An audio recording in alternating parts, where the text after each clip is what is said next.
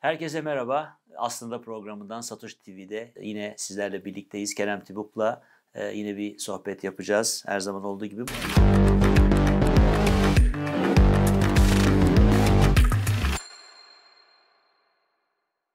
Bugüne kadar e, konuştuğumuz konular hep e, yani çok çeşitli konular konuştuk tabii ki. Ama günün sonunda şöyle bir düşündüm geçen gün. E, sağlam parayla ucuz para arasında işte kolay para bilmiyorum. E, kaliteli para, kaliteli, kalitesiz kalite, para. Evet. Yani değişik adlanma yapılabilir ama sonuçta kaliteli ve kalitesiz para diye iki para var. Tarih boyunca bunların kavgası var.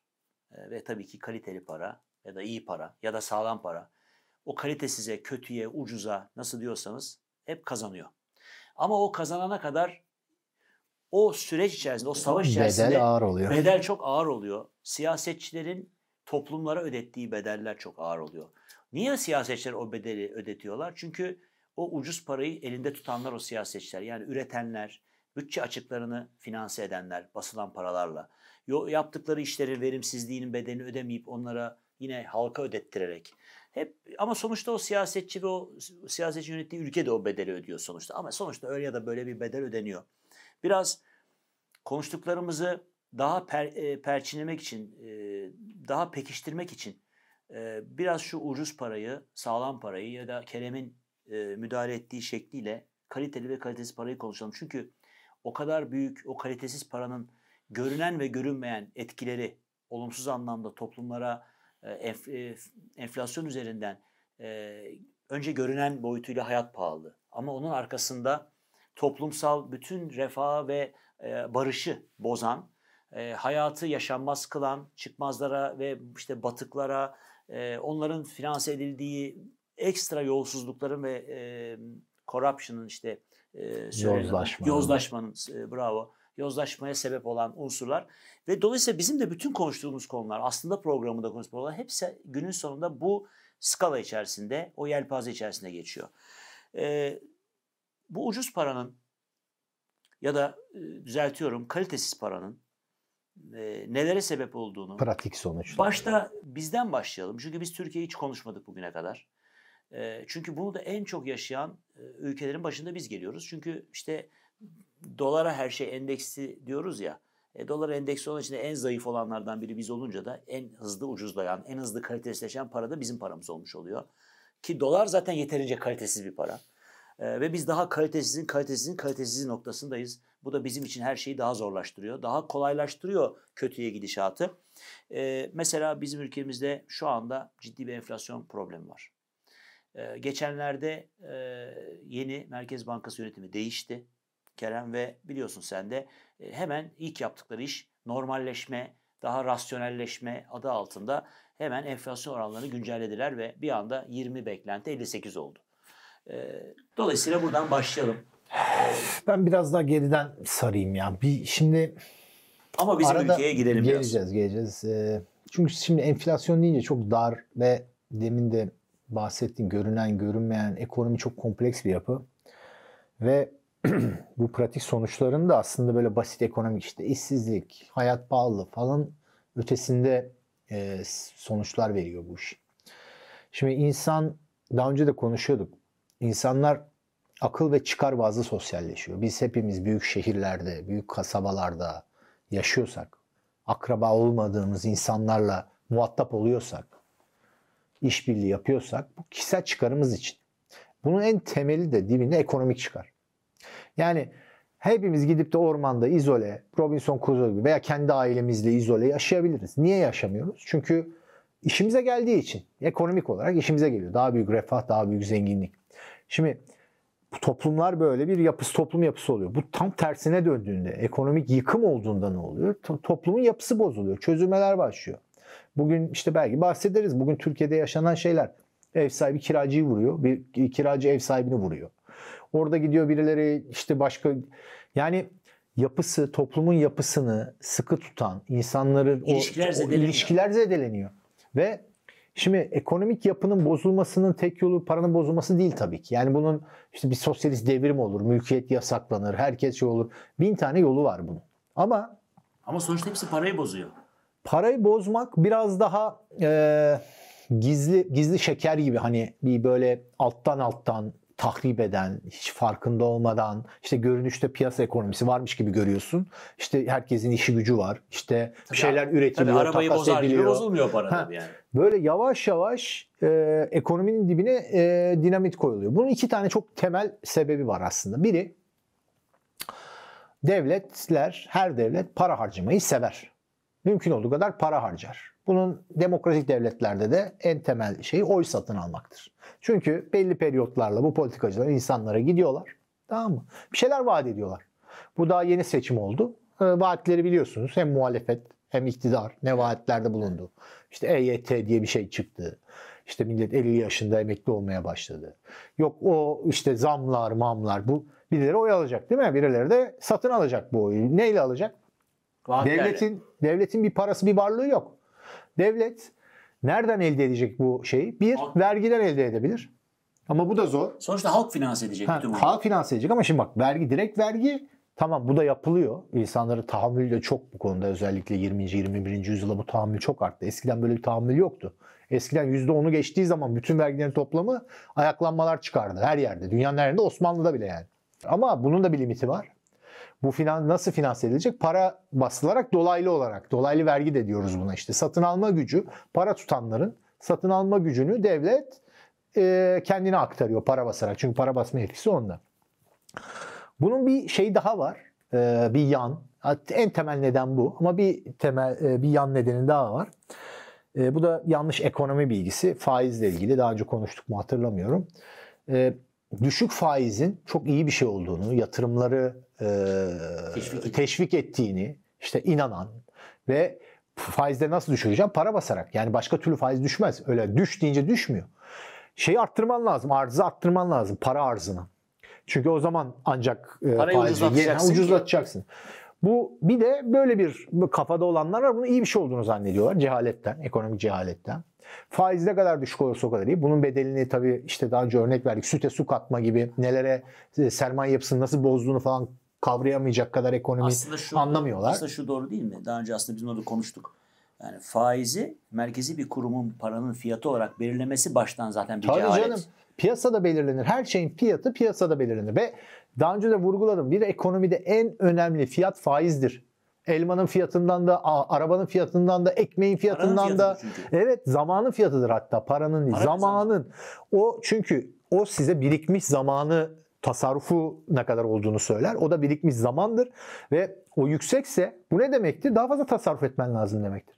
Tasarruf ettiğinde daha fazla faiz alacaksın demektir. Böyle teşvik eder. Hem paraya tasarrufa ihtiyaç var sinyaldir yüksek faiz. İşte piyasayı görünmez elin yönlendirmesi şeklinde. Şimdi sen bu sinyali yüksek faizi pa- e, şeyle e, para basarak bozarsan bu sinyali ne oluyor? Bir, zaten ser- tasarruf olmadığı zaman sermaye, gerçek sermaye değil, süte su katmış oluyorsun. Evet. İki, milleti caydırıyorsun tasarruftan bir de. Aynen. Düşük faizle kim niye tasarruf etsin? Ha, tam tersine kredi çekmeye çalışıyor herkes. Bütün sermaye yapısı bozuluyor. Sermaye mermaye kalmıyor.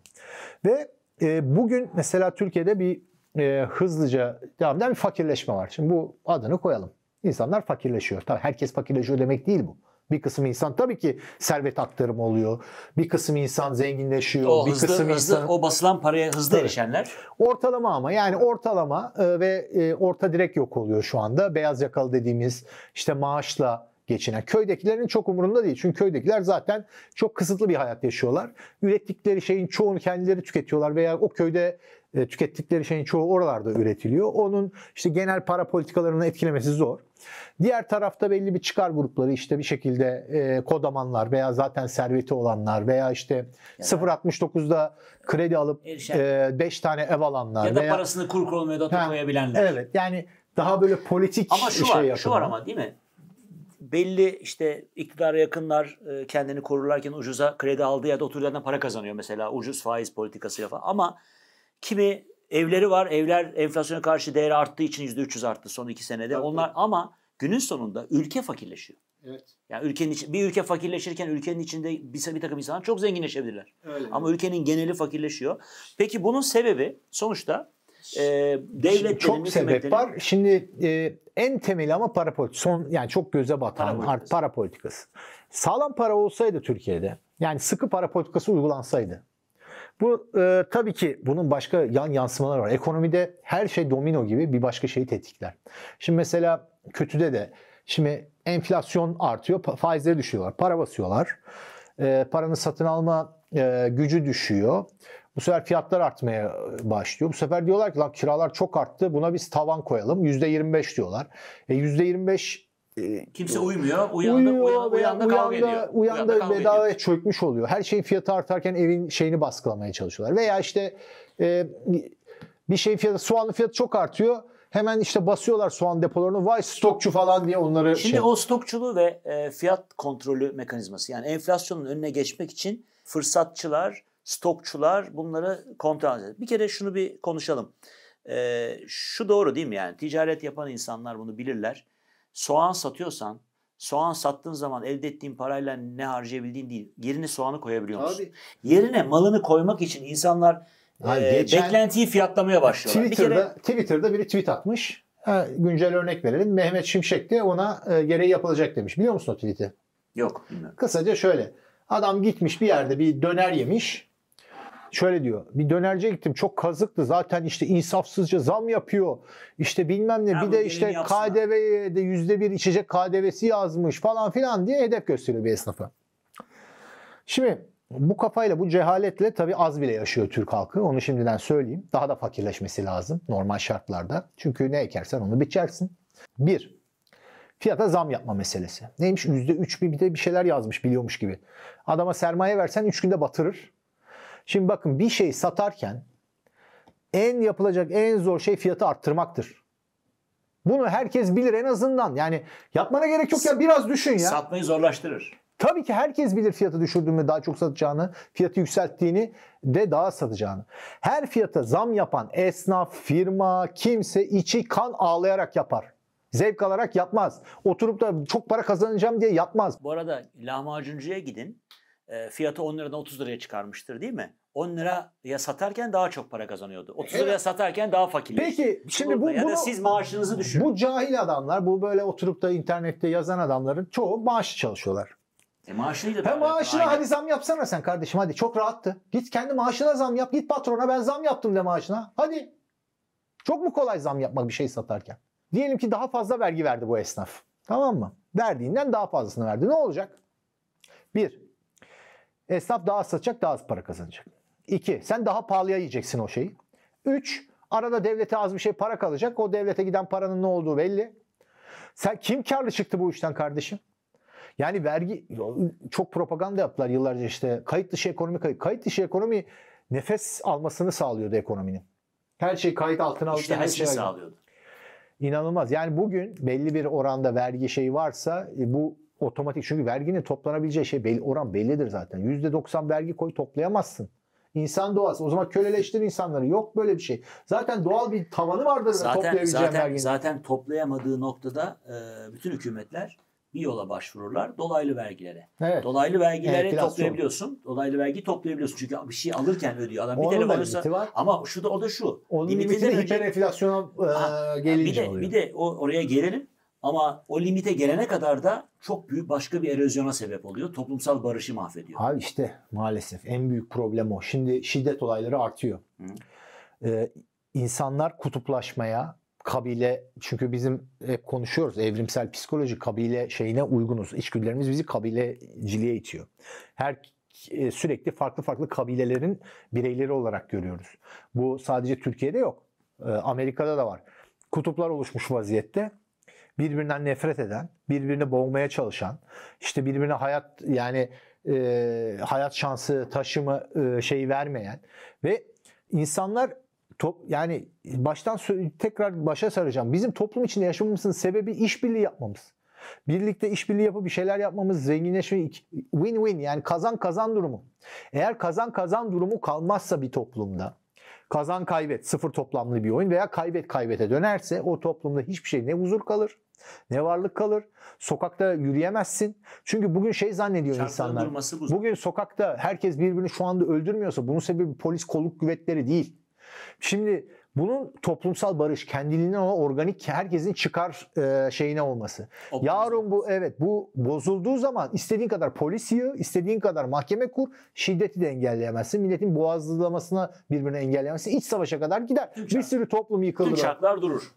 Şimdi bunun ne kadar önemli bir şey olduğunu anlaması lazım insanların. Şimdi bunun hepimiz içine doğduk belli bir lüksün, konforun, medeniyetin. Tamam mı? Biz doğduğumuzda gayrimedeni bir toplumdan bir anda şey bununla yaşamadık. 20. yüzyılın nimeti.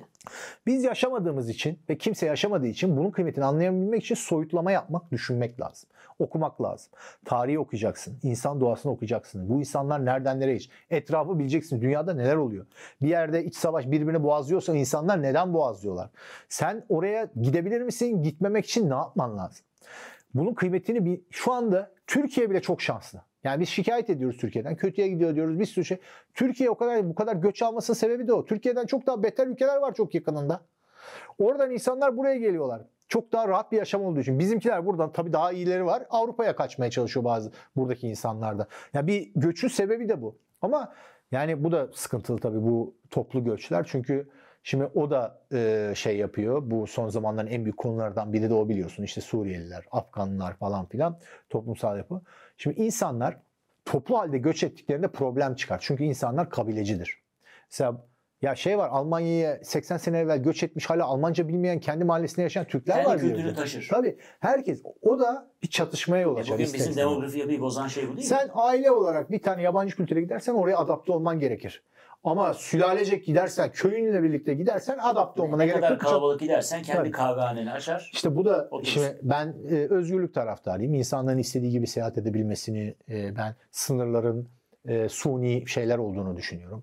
100 sene evvel pasaport diye bir şey yoktu bu arada. Bunu bilin. Yani insanlar tarih okusun. Hep böyleydi falan filan diye de bir şey yok. İnsanlar istediği yere imkanı olanlar tabii gidebiliyordu. Yani bu e, insanlar dolanabilmeli. Ama maksimum aile. Yani çünkü öbür türlü toplum hassas bir yapı. Böyle her şey e, e, otomatik değil. Bunlar nasılsa böyle hep böyle geldi, hep böyle gidecek değil. Bunların olmasının altında yatan sebepler var, mekanizmalar var, kurumlar var.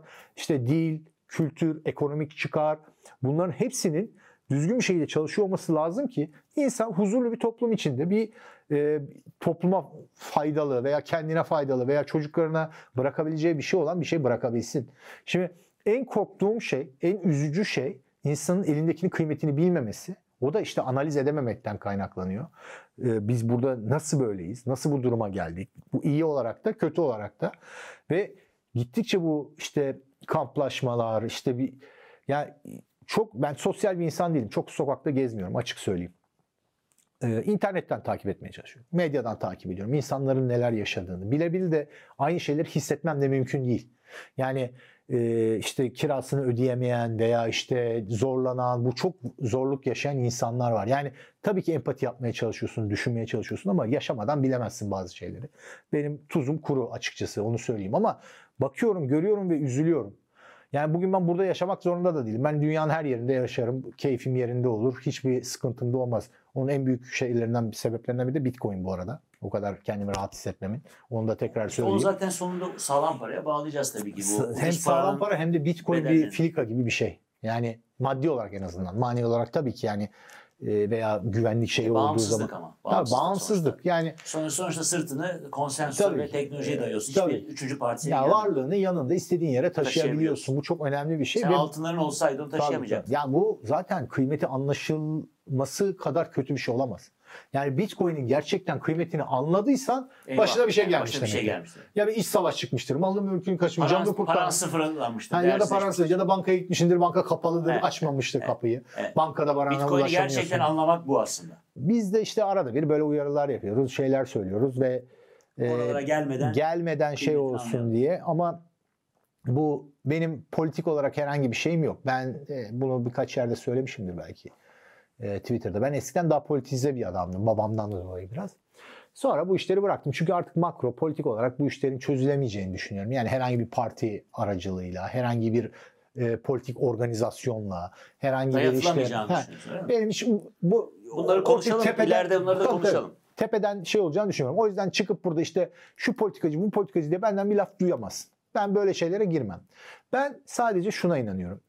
İnsanlara e, kendilerini özgürleştirebilecekleri, birey olarak güçlenebilecekleri, işte kendilerini Koruyabilecek. koruyabilecekleri, böyle bütün ülkeyi kurtarmak, toplumu kurtarmak değil de kendi önce kendini. Çünkü herkes kendini kurtarırsa zaten Toplum herkes kurtulur zaten. toplum kurtulmuş oluyor. Bu tool'ları ve bunun içinde Bitcoin çok önemli bir yer tutuyor.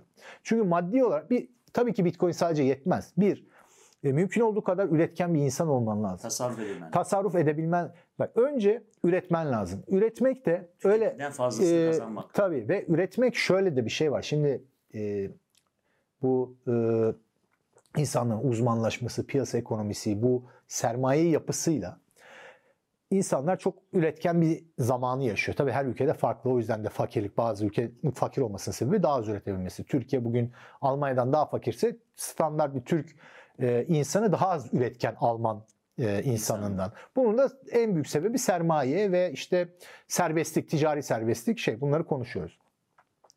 Yalnız tabii burada kişisel tercihler de var. Mesela burada kişisel gelişimle ilgili birkaç tavsiye vereyim hazır laf gelmişken. Ee, bir kere en çok para kazanabileceğin, en üretken işi yapman lazım. Öyle işimi sevdim, sevmedim falan filan bu işleri geçin Ne kardeşim. de en başarılıysa. Ne de en başarılıysan onu yapacaksın. Ha olabilir. En başarılı olduğun şeyi çok seviyor olabilirsin. Hayır, o, o piyango. O piyango. Aman böyle işte bilmem ne falan üreteceksin. Üretmek zorundasın. Çünkü bu iş sadece işte e, maddiyatçılık, işte daha fazla para arzu falan değil. Bu senin can can e, hayat memat meselesi ya.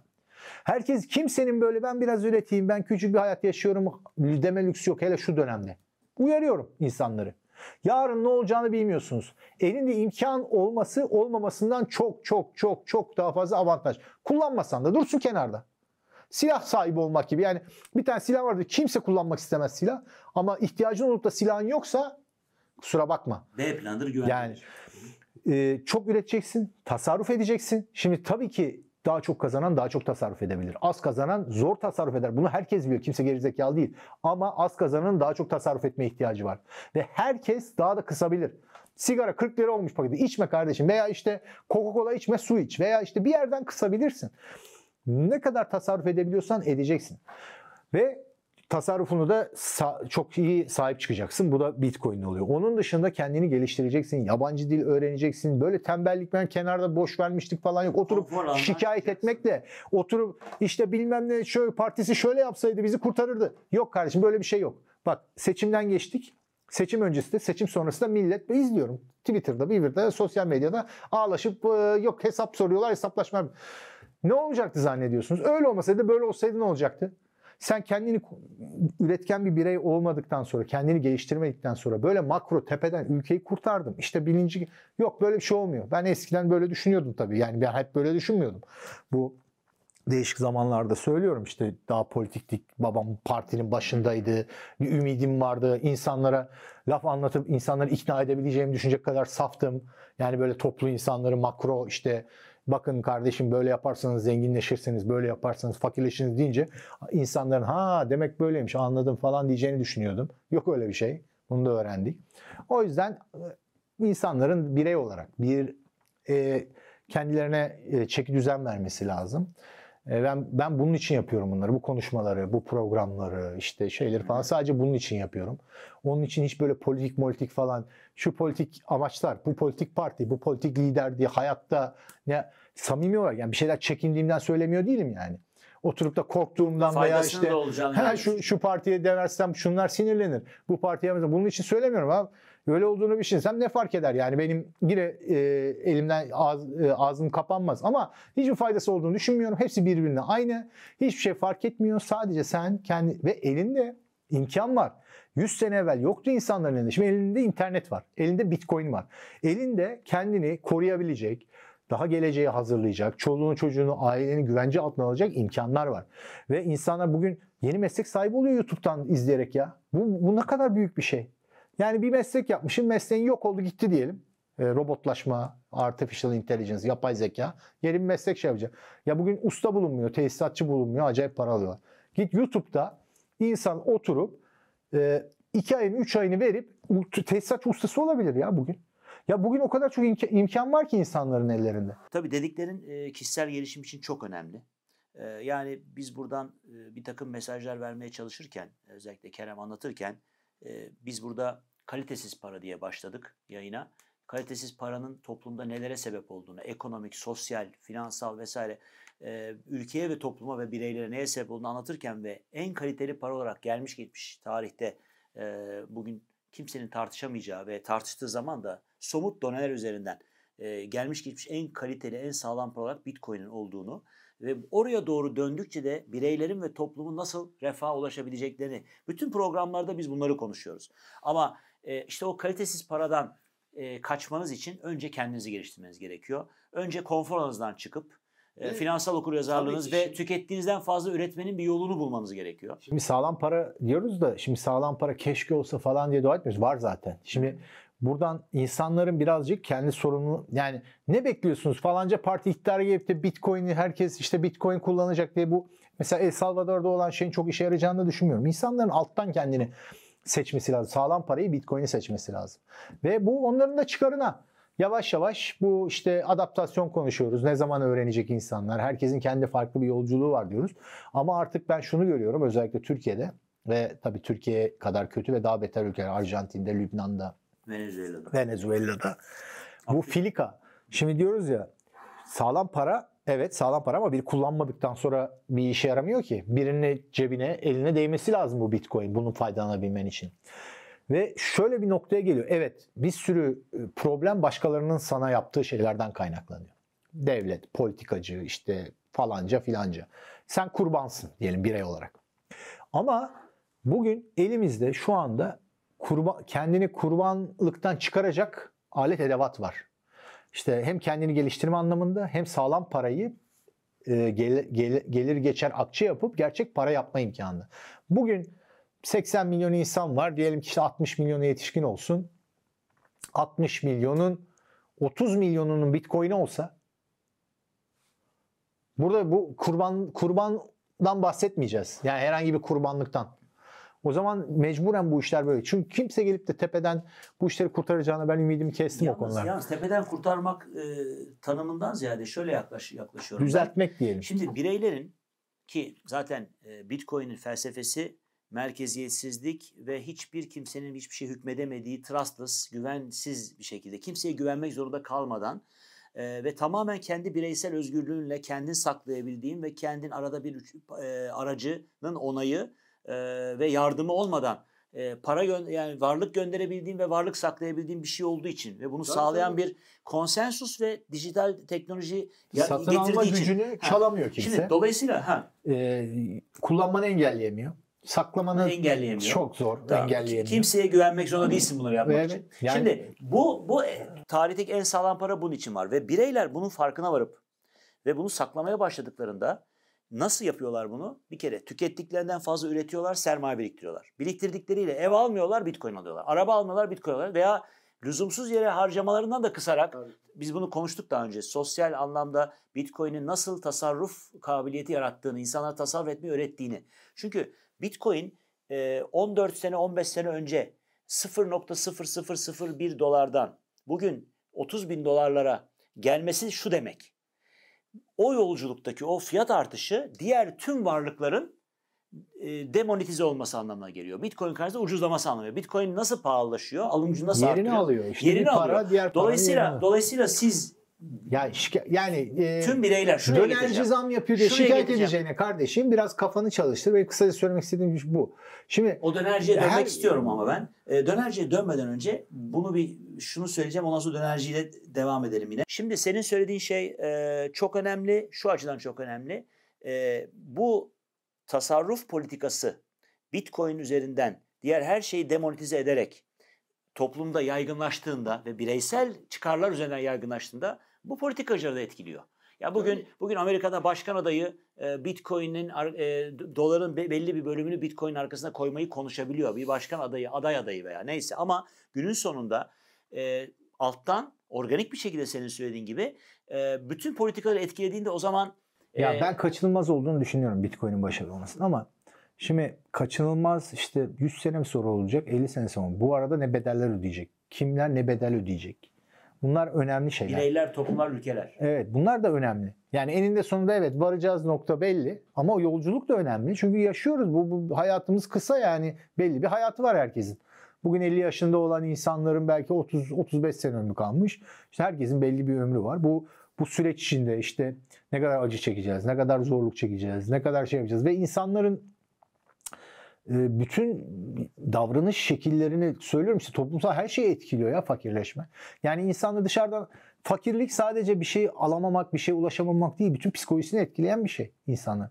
İnsanları ahlaksızlığa iten. Çünkü keyfin yerindeyse, maddi şeyin yerindeyse ahlaksızlığa, suça falan daha az meyilli olsun değil mi? Bu basit bir şey yani. Koskoca e, Jean Valjean işte Le, Le bunların romanları var yani. İnsanlara zorda kaldın mı neler yaptıkları işte toplumsal yapının bozulması falan. Yani maddiyat maddiyat bu kadar işte bu kadar da maddiyata önem vermeyin meselesi değil bu. İnsan insan doğası bu. Yani e, bizim e, bütün bunları işte ümit ediyoruz tabii. Yani daha beteri olabilir mi? Olabilir. Daha beteri var mı? Var. İşte daha beter olmasın. Biraz daha buradan insanlar kendi kendilerini yavaş yavaş işte şey derler kendi e, bağcıklarından tutup insanlar kendilerini kaldırmayı birazcık şey yapsınlar ve bunun için şu anda çok şanslı bir dönemdeyiz. Evet kurban ediliyor bir sürü insan. Bir sürü insana haksızlıklar da yapılıyor. İşte satın alma güçleri çalınıyor. İşte e, bir kesim refah içindeyken o refah toplumun geri kalanı finanse ediyor. Evet. Ve finanse etmesi bir demek grup insan demek. fakirleşiyor falan bir sürü problem var ama elimizde de alet edevat var. Yani bu bu duruma dur diyebilecek. Şu demin konuştuğumuz şu demin konuştuğumuz dönerciye geri dönüp oradan tekrar e, ucuz para, sağlam para ya da kalitesi kaliteli paraya devam edelim ve işte neden Bitcoin ve ya da Bitcoin gibi varlıklar da diyelim. İlla Bitcoin tabii ki bizim en başa Bitcoin'i koyduğumuz için e, onun üzerinden konuşuyoruz. E, diğer varlıklar da altın gibi e, sizin mümkün olduğunca tasarrufunuzu koruyabilen, alım gücünüzü koruyabilen e, varlıklar neden hepimiz için gerekli. Bunu öğrenmek, anlamak ve tükettiğimizden fazla üretip biriktirdiğimiz sermaye ile e, var, e, refahımızı kendimiz ve ailemiz için arttırmak. Ve bu bireysel çıkar üzerinden de toplumun bir bilinci oluşması ve bu siyasetçilere dünyanın her yerinde baskı yapılması. Aslında konuştuğumuz her şey bu. Şimdi o dönerciye geri dönersek, e, Kerem işte şikayet etmiş. Ben bilmiyordum bu tweet'i sen söyledin. Bir kere şu ya tanımı şu tanımı yapmak lazım. Yani şu tanımı yapmak lazım. E, enflasyon bütün kötülüklerin anası, bütün bunların sebep olan şey de enflasyon. İşte para basıldığı için oluyor enflasyon ve sağlam para, kaliteli para para basılmasını engelliyor. Ya yani ülke savaşırken para basabildiği zaman paranın değeri sıfırlana kadar savaşabiliyor. Safety'nin Amos'un o güzel bir e, tanımlaması bu. Ama sağlam paraya sahip bir ülke halkın kabul ettiği kadar savaşıyor. Halkın ben bunu finanse ederim dediği kadar savaşıyor. Çünkü parası bitiyor. Ama para basan bir ülkenin parası bitmiyor. Ne zaman bitiyor parası? Parasının değeri kalmayana kadar para bastığında parası bitiyor. Bunu anlamak çok önemli. Şimdi dönerciye dönersek o şikayet eden adam. İşte bu adam fiyatı arttırıyor, faiz fiyat koyuyor falan. Dönercinin derdi bir kere şu. Enflasyonun üç tane sebebi var. Temel bir tanım yapıyoruz. Bunu lütfen herkesin bilmesi gerekiyor. Bilenler için de kusura bakmasınlar ama talep talep enflasyonu e, arttırır. Çünkü talep artıyorsa o da başka bir şey talep edecek size satan. Dolayısıyla fiyatı arttırmak zorunda karını maksimize etmek zorunda. Maliyet enflasyonlarda hiç kimse ürettiğinden daha az bir şeyi satıp zarar etmek için Hepsi dükkan açmaz. aslında aynı da farklı Ama sonunda tabii ki doğru ama sonunda hepsi paranın artmasından ama bir şey var. Para para talebi artıyor çünkü. Talep tabii ki, derken tabii ki. yani bir bugün bir döner yerken yarın iki döner yeme şey ne olmuyor. Ee, sadece para elinde bollaştığı için ona şimdi şöyle bir şey var. Bunu bir kere daha bu para bozuyor bu işi ama onu bir daha vurgulayayım. İnsanlar 3 kuruşa çok ucuza inanın çok ucuza bu kadar şey buldukları için çok şanslılar bunu bilmeleri lazım. Geçen de Twitter'da bir tane adam yazmış. Amerikalı bir adam bir deney yapmış. Bir tavuklu sandviçi bütün ham maddelerini kendi üretmek şeklinde hiç dışarıdan bir şey almadan nasıl yaparım diye. E, 6 ay ve 1500 dolara mal olmuş bir tavuklu sandviç. Buğdayı kendi üretiyor. Bak ekmeği her şeyin her işinde kullanılan en basit tavuk sandviç. Ekmek, marul, domates, tavuk, işte içine mayonez belki ne koyuyorsan tam tarifine bakmadım. Basit bir tavuklu sandviç. O döneri, o döneri 80 lira dediğin şey 3 dolar. Tamam mı? 3 dolar değil mi 80 lira? Evet. O döneri 3 dolara sen yiyebiliyorsan bu piyasa sayesinde, uzmanlaşma sayesinde, işbirliği sayesinde o adamlar hiç görmediğin senin çalışanlar. Bugün bak hayal edemeyeceğin şekilde insanlar para kazanıyor. Hiçbir şey tek başına yüklenemezsin. Yani. Hiçbir şey. Bak bir tane Leonard Read'in e, I Pencil diye bir kurşun kalem kitabı vardı. Çok kısa uzun risale veya kısa kitap.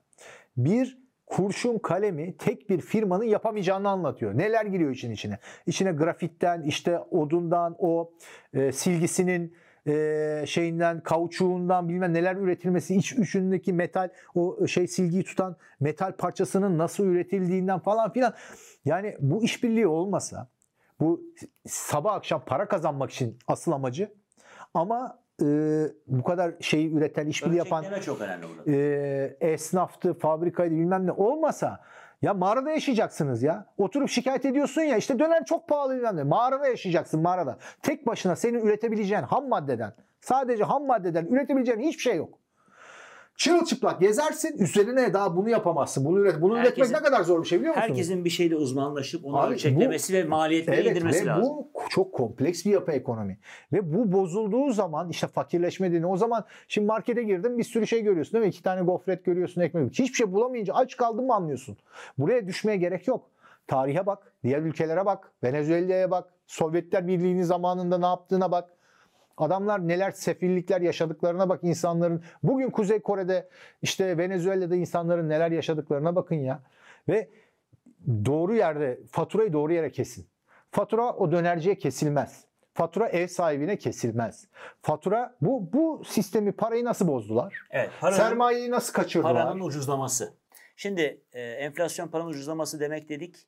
Paranın ucuzlaması talebi patlatıyor. Buna talep enflasyon deniyor. Paranın ucuzlaması para karşısında onu satın alabilen kıt varlıklar, sınırlı varlıkların fiyatını arttırıyor. Buna maliyet enflasyonu deniyor. Ne üretiyorsanız ürettiğiniz ham madde, ara mamul vesaire bunların maliyeti artıyor. Buna da maliyet enflasyonu deniyor. Bir de üçüncü bir enflasyon tabii ki hepsi aynı şeye çıkıyor. Hepsi paranın e, ucuzlamasından ve paranın arzının kontrolsüz bir şekilde artmasından kaynaklanıyor ama şunu anlaması gerekiyor. Çok bu ekonomiyi çok iyi bildiğini iddia eden bürokrat, siyasetçi veya ekonomist kim varsa çünkü bunu çok duyuyorum ben. Fırsatçılar ve şeyler, e, fahiş fiyat işte neyse onun adı e, sen de söyledin. E, stokçular. Kardeşim bir insan eğer önünü göremezse tü- tüccar bir şeyi döner satan ya da ayakkabı satan ya da herhangi bir işi yapan adam, hizmet satan adam. Eğer önünü göremezse, gelecekteki fiy- paranın fiyatını anlayamazsa maliyetin ve talebin yarattığı enflasyonun üzerine bir de beklenti koyar. Çünkü der ki ben 6 ay sonra et alabilecekse o 6 ay sonraki etin fiyatını öngöremiyorsam onun üzerine bir beklenti enflasyonu koyar ve onu bugün fiyatlar. Onu bugün fiyatlamasının sebebi o şikayet ettikleri gibi stokçuluktan, fırsatçılıktan çok para kazanmak için değildir. Yani ileride dönercilik yapmaya devam Ve edebilmesi daha içindir. satmayı göze alarak yapar. Tabii ki, tabii ki yani fiyatını arttırdığın zaman talep düşecek. Al, Ya, al, işte insanların kabil, Şimdi alma mesela bu yıllardır işte marketlere falan da şey yapıyorlar işte şimdi fiyat sat, fiyat arttırdığı zaman bir esnaf cirosu nominal olarak artabilir. Ama sattığı şey azalır. Birim başına çünkü fiyat arttığı için birim azalır. Bir insanın bir firma birim e, sattığı birimi arttırmaya çalışır.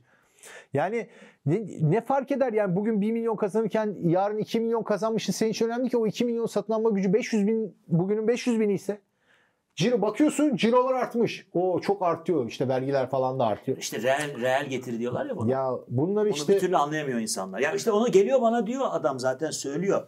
Benim çalışanım söylüyor. Abi diyor benim maaşım diyor 30 bin lira oldu sağ ol diyor. Ama 10 bin lirayken ben daha refah içindeydim. Şu anda geçinemiyorum diyor. E 3 katına çıkmış maaşı. Niye? Çünkü hayat pahalılığı, o paranın satın alma gücü kendi gelirinin artmasından daha hızlı artmış. Bu kadar basit ve bütün ülke ve bütün dünya bunu yaşıyor şu anda. İşte bunu insanlar anlaması lazım. O fırsatçı, stokçu dediğiniz insanlar dönerci ise 6 ay sonra da döner satabilmek için yapıyor onu. ve işin komiği ne biliyor musun? Trajikomik tarafı. Ya bunun çözümü belli. Böyle hani bir buluş buluş yapman işte hani yeni enerji kaynağı, füzyon, nükleer bir, bir buluş yapmana, bir uzaylılardan bir Çözümler hediye var gelmesi. şu anda. Abi çok basit ya. Paraya dokunma, insanların alım satımına, ticaretine karışma, bırak serbest. Paranın Sadece suç dokunma. oldun mu, biri birine suç mu işledi kardeşim? Yani suç Ama- derken ama, zarar ama bu söylediğin anlamı- şey bu o şey o kadar zor bir şey ki çünkü e, dünyadaki bütün hükümetler İşte çıkar grupları ele parayı geçirmiş parayı kontrol ederek gruplar. abi bütçe her yerde bütçe açığı var. O bütçe açığının bir şekilde finanse edilmesi lazım. İşte Toplumu bütçe açığı lazım. niye var? Çünkü bir grup her ülkede toplumun bir grubu parazit olarak hiçbir şey üretmeden devletin içine veya Geri etrafına kalanın, geri kalanın alım Tabii. gücünü çalıyor. etrafına şey yaparak hiçbir şey üretmeden laf, laf olsun torba da olsun diye titirler kart vizitler bastırıyorlar. Hiçbir şey yapmıyorlar. Hiçbir üretkenlik sıfır. Ama kaynak tüketiyorlar. E bu kaynağı nereden alacaklar? Bir yerden gelmesi lazım. Üretken insanlarla. Gerçekten üreten insan. İşte dönercidir, e, muslukçudur, tesisatçıdır, bilmem ne ustasıdır, fabrikada işçidir.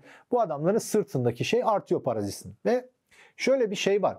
Her bu e, türler içi arası parazitizm vardır. Bu yeni bir şey değil. İşte bit vardır, sülük vardır. Ama hiçbir parazit organizma ana host organizmanın çok fazla şeyini kanını çekemez. O kendi aleyhinedir. Öldürürsün. Sen de ölürsün. Ya sen de ölürsün ondan sonra. Şimdi bu her zaman bu parazit sınıfı olmuş. Eskiden de vardı işte ruhban sınıfı, aristokrat sınıf, işte çalışanların sırtına binmişti, rantiye mantiye. Şimdi tabii üretkenlik arttığı için parazitler de büyüdü çoğaldı. İşte görünürde iş yapıyormuş gibi görünüp de işte devletten ihaleler alanlar, oradan şey alanlar, memur sayısı, emekliler, işte emeklilik 3 kuruş para ödemiş içeriye. Hayır 40 sene emeklilik maaşı alacak. Herkes kendi Ama şeyine hadi, bakıyor hadi, sadece. hadi yine o e, yıllarca çalışıp yine de, devletin e, o onun karşılığında ona verdiğiyle o kadar fakirleşme şey. Onu hadi gene en sona bırakalım. Çünkü ona gelene kadar en başta herhalde Abi herkes piyasadaki maalesef. gerçek faiz %50 iken 60 iken %15'te bankadan Adalet Bankası'ndan para alan adamın oturduğu yerden kazanmasını en başa koyalım. Ha mesela bu barınma şeyine bir daha dönelim. Ha. Burada e, işte kiralar çok arttı özellikle İstanbul'da, büyük şehirlerde diyelim. Şimdi e, biliyorsun bu düşük faiz politikası nedeniyle millete şey verdiler bir sürü konut kredisi verdiler. Evet. 0.69 bilmem ne şeyin çok altında. Real, negatif reel faizde. Şimdi bunu herkes alabildi mi? Alamadı. Ama alabilen, alabilen çok Alabilen ucuz aldı. zengin oldu. Şimdi bir sürü insanda bir sürü ev oldu. Bir sürü insanda ev kalmadı. Ev fiyatları arttı. Çünkü faiz düşerse ev fiyatları artar. kiralar tabii. arttı. kiralar artmaya başladı. Sonra enflasyon azıtınca daha da fazla daha da fazla para basmaya başladıklarında bu sefer her şey fiyatı artınca bu sefer bir yurt dışından gelen işte e, pasaport e, satma işleri falan da işte göç möç bunların da etkisi vardır muhakkak. Şimdi böyle anormal bir durum ol- oluştu ve bunun tabii altında yatan bir sebepte daha böyle makro daha şeyden gelen kalitesiz para olduğu için ev bir yatırım aracı insanların gözünde. Parayı koruma aracı. Parayı koruma aracı. Yapabilen ev satın alıyor. Barınma şeyinden çıkıp normalde kira bir ev kiralayabilmek büyük lüks, lükstür aslında. Çünkü düşünsene ev nereden baksa çok pahalı bir tüketim malıdır. Eskiden insanlar senelerce e, ailesinin kazandı. evinde kalıyordu. Para biriktirip ancak çıkar şey E sen bir anda orada o, utility hakkını Ha, kullanıyorsun kirayla. Sen maaş almaya başladın mı pat sana birisi bilmem kaç milyonluk evi 3 kuruş e, paraya kiraya Yaşıyorsun kiralıyor. içinde. Ha içinde yaşıyorsun ya bu çok büyük bir lüks normal. Tabii. Ama bu fa- düşük faiz ve parasal genişleme ve bu enflasyon içinde o kadar bozuldu ki. Özetle bu bir gayrimenkul balonu yarattı. Tabii tabii. Yani şu anda e, hisse senedi balonu, gayrimenkul balonu bunların hepsinin arkasında ucuz para yatıyor. Ve e, şu, Michael Saylor geçenlerde bununla ilgili ne zaman söyledi bilmiyorum da ben geçenlerde seyrettim. E, bir şeyin diyor bir utility yani bir fayda değeri vardır. Bir de monetary değeri vardır. Parasal premium vardır. Bu gayrimenkul de o kadar şişti ki diyor ve Bitcoin o kadar mükemmel bir çözüm ki buna da diyor her şey olduğu gibi. Siz diyor e, dördüncü, beşinci, altıncı, yedinci, sekizinci evlerinizi diyor satıp Bitcoin alırsanız e, o sattığınız evlerin fiyatlarının düşmesiyle birlikte ilk evini alabilecekler alabilir diyor. Şu anda ilk evini almak isteyen alamıyor diyor. Doğru. Siz 40. evinizi aldığınız için diyor. Yani toplumdaki adaletsizliği de anormal şekilde Bitcoin tersine çeviriyor. Ben bunu düşündüğümde bile, dinlediğimde ve şu an konuştuğumda bile tüylerim diken diken oluyor. İşte kalitesiz parayla kalite arasındaki geçiş bu kadar önemli. Yani bu konut işi e, büyük sıkıntı. Yani işte duymaya başladık, cinayetler işlenmeye başladı. İnsanlar bir yandan çünkü işte e, kiracı çok az zam yapıyor, ister istemez ev sahibi malına gasp edildiğini hissetmeye başlıyor. İşte kiracı parayı Herkes ödemiyor, kendine ev haklı. sahibinin Fakirleşmek aç gözlü olduğunu düşünüyor. İşte bu toplumsal yapı dedik, bu çatışma. Normalde ev sahibiyle kiracı düşünsene yani biri atıl bir şeyini paraya çeviriyorsun öbürü de sana işte ne kadar birbirine faydalı bir şey aslında. Yıllarca yani. tasarrufun karşısında Evet. oturabiliyor orada. Yani bu, bu, bu güzel işbirliği yani normal piyasa şartlarında son derece doğal bir şekilde iki tarafı da Barışık mutlu edecek. bir- Barışa bir, bir şey ne hale geldi. Daha da beter olabilir. İşte bu hepsi hepsi ucuz paranın ve enflasyonun e, sonuçları. Şimdi bugünün TKV binersin ne dersin? Ee, herhalde şunu söylemeye çalıştık. Tabii bunu söylemesi kolay. Burada konuşması kolay. Ee, ama tatbiki için e, tabii ki herkesin çaba göstermesi lazım. Biz bakın siz de böyle yapın bu çok kolay diye anlatmıyoruz. Ama toplumsal yaralara parmak basıyoruz ve bunun sonunda kaliteli paranın ve dünyanın gelmiş geçmiş en kaliteli parası olan Bitcoin'in nasıl bir çözüm ürettiğini tüm dünyaya ve tüm bireylere ürettiğini anlatmak için söylüyoruz.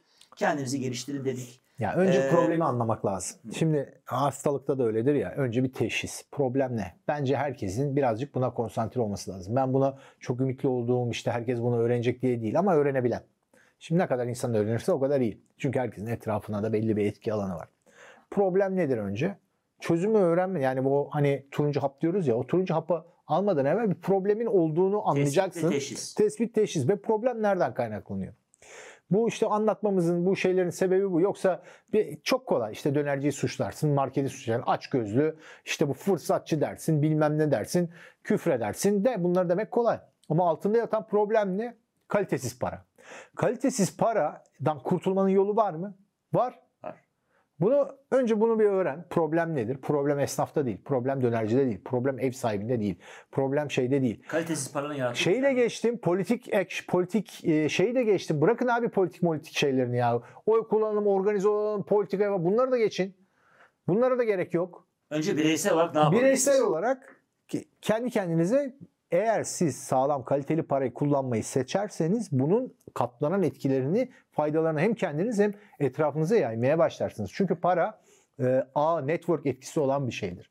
Para şimdi mesela bir para kaliteli para kalitesiz paranın yerini alır ama bu hemen olmuyor. Bir gecede olmuyor. Her bir katılımcının atleti değerli. Evet ve yani çok zor bir şey bu. Yani çok daha kaliteli olması lazım bir paranın. Yani %10 daha kaliteli olsa yerini alamaz. Bu şeyde de böyle e, işte Twitter'da, Microsoft'ta. Şimdi mesela eskiden her Windows kullanıyor herkes. Niye Windows kullanıyor? Çünkü en çok program Windows yönetiliyor. Niye en çok program Windows yönetiliyor? Çünkü herkes Microsoft kullanıyor.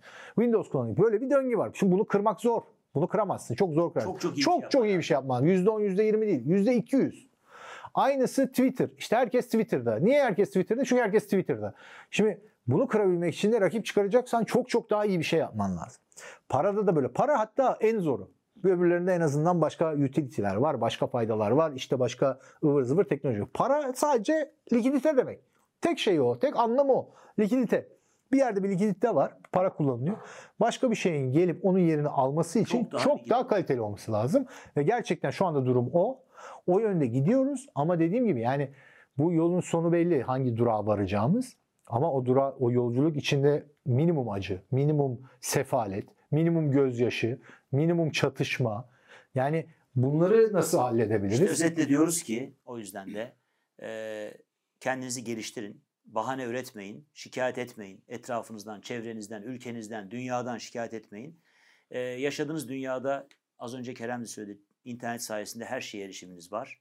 İnternete girin, e, kendi hayatınızı gözden geçirin. Kimin ne yaptığına bakın. Rol modeller seçin ama kendinizi geliştirin, konfor alanınızdan çıkın ve kendinizi geliştirdikçe en iyi yaptığınız şeyi bulup e, orada uzmanlaşarak oradan para kazanın e, ve tükettiğinizden fazla üretin. Üretmek, para kazanmak anlamında söylüyorum. Aradaki farkı da tasarruf edin ve tasarrufunuzda gidin kaliteli paraya yatırın. Kalitesiz paradan da çok çabuk bir şekilde hızlıca kurtulun.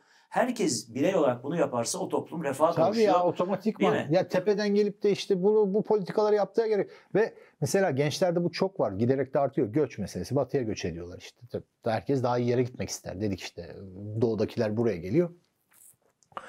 Hep daha iyi bir yer Ha, var zaten. e, bu o kadar kolay bir şey değil. Bu nasıl kolaylaşır biliyor musunuz? Değerli bir insan olduğunda, üretken bir insan olduğunda, işe yarar bir insan olduğunda. Gittiğin o zaman gidersin, kabul görürsün evet, zaten. gittiğin yerde kabul görürsün, değer görürsün. Yoksa Botun- botun ırkçılık üstü- dersin, ağlarsın, seni kabul etmezler. Sen "Aa, bunlar çok ya, da, ya da botun üstünde Aynı şeyi sen yolculuk Suriye'de yaparsın. yapıyorsun burada. Tabii, tabii. Çünkü Suriyeli doktor gelse, işte mühendis gelse, işe yarayan bir adam gelse niye kovalıyorsun abi? Adam senin işine yarıyor.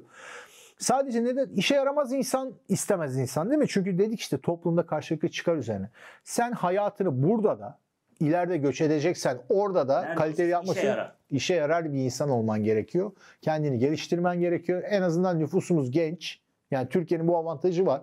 Yani 30-40 yaşında bile insanlar ikinci mesleğini e, Yüzde, yüzde 60'ı 30 elde yaş altı kendini Türkiye'nin. geliştirebilir. Ve 80 küsur milyon nüfus. Evet. Yani bu e, Dolayısıyla hiçbir şey için geç değil. geç değil. Biraz kafayı çalıştıracaksın. Biraz işte iş ahlakı, işte kendine e, disiplin, işte çalışkanlık neyse bunlar önemli şeyler. Yanlış anlaşılmasın.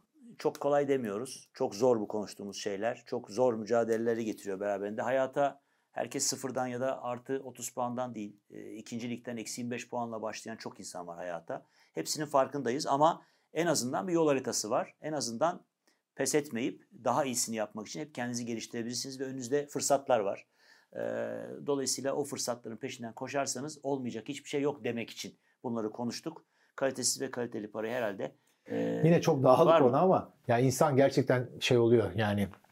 E, çok ister şey söylemek istemez. istiyorsun tabii. Yani çok şey bir de ya dedim ya yani gereksiz lüzumsuz ya. Ya bundan 300 sene evvel o 300 yıl evvel olsaydı teknoloji yok bir şey yok sermaye yok sefaletin bir sebebi var herkes sefil tamam mı?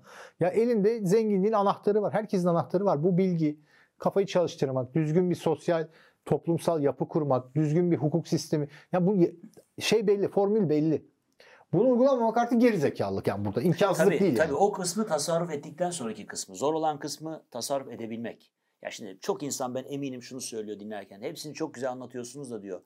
Ben diyor tükettiğimden fazla üretmeyi başaramıyorum diyor. Orada e, belli Abi kısıtlar başka var. yolu yok. Başka, Ba- başka yolu yok. yani o, o da artık e, dediğim gibi yani e, tasarruf edip tasarrufunu korumak. evet, İki aynen tane öyle, şey. Aynen işte. O da çok o da çok kolay değil bugünkü şartlarda. Hem ülkemizde hem dünyada. Bitcoin olmasaydı daha zordu. Ha Bitcoin tasarruf var. ettiğin andan itibaren kolay. O öyle. Çok teşekkür ediyoruz Kerem. Bir başka programda görüşmek üzere. Hoşçakalın. Yeah.